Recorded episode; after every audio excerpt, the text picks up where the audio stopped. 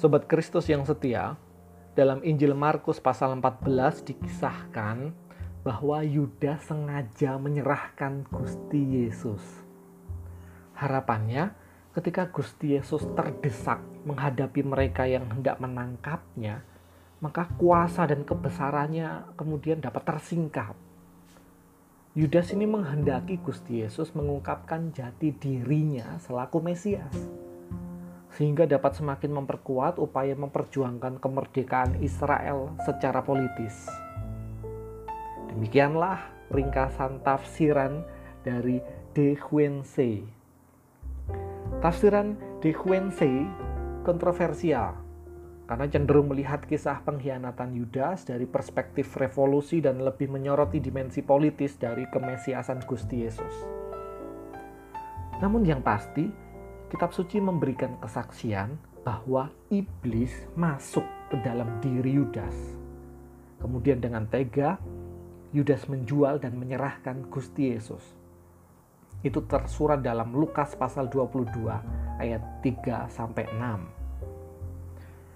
Memang Gusti Yesus mengecam perilaku jahat yang dilakukan oleh Yudas.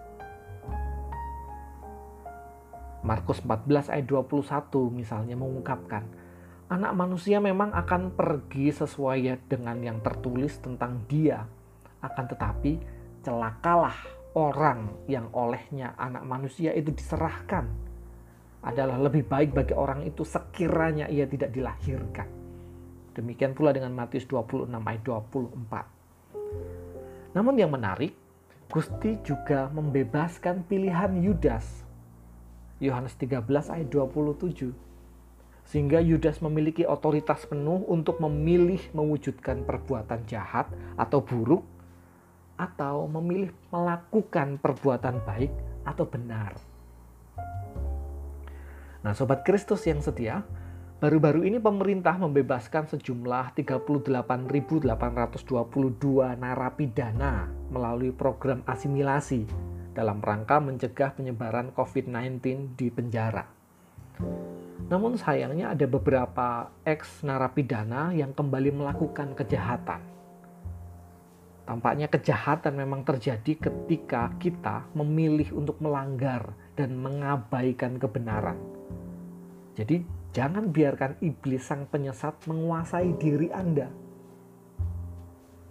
Karena cintanya kepada kita Tuhan Allah memang menganugerahkan free will, kehendak bebas bagi manusia. Dan dengan pilihan atau kehendak bebas yang Tuhan sudah anugerahkan kepada Anda, mari memilih untuk menentang kejahatan.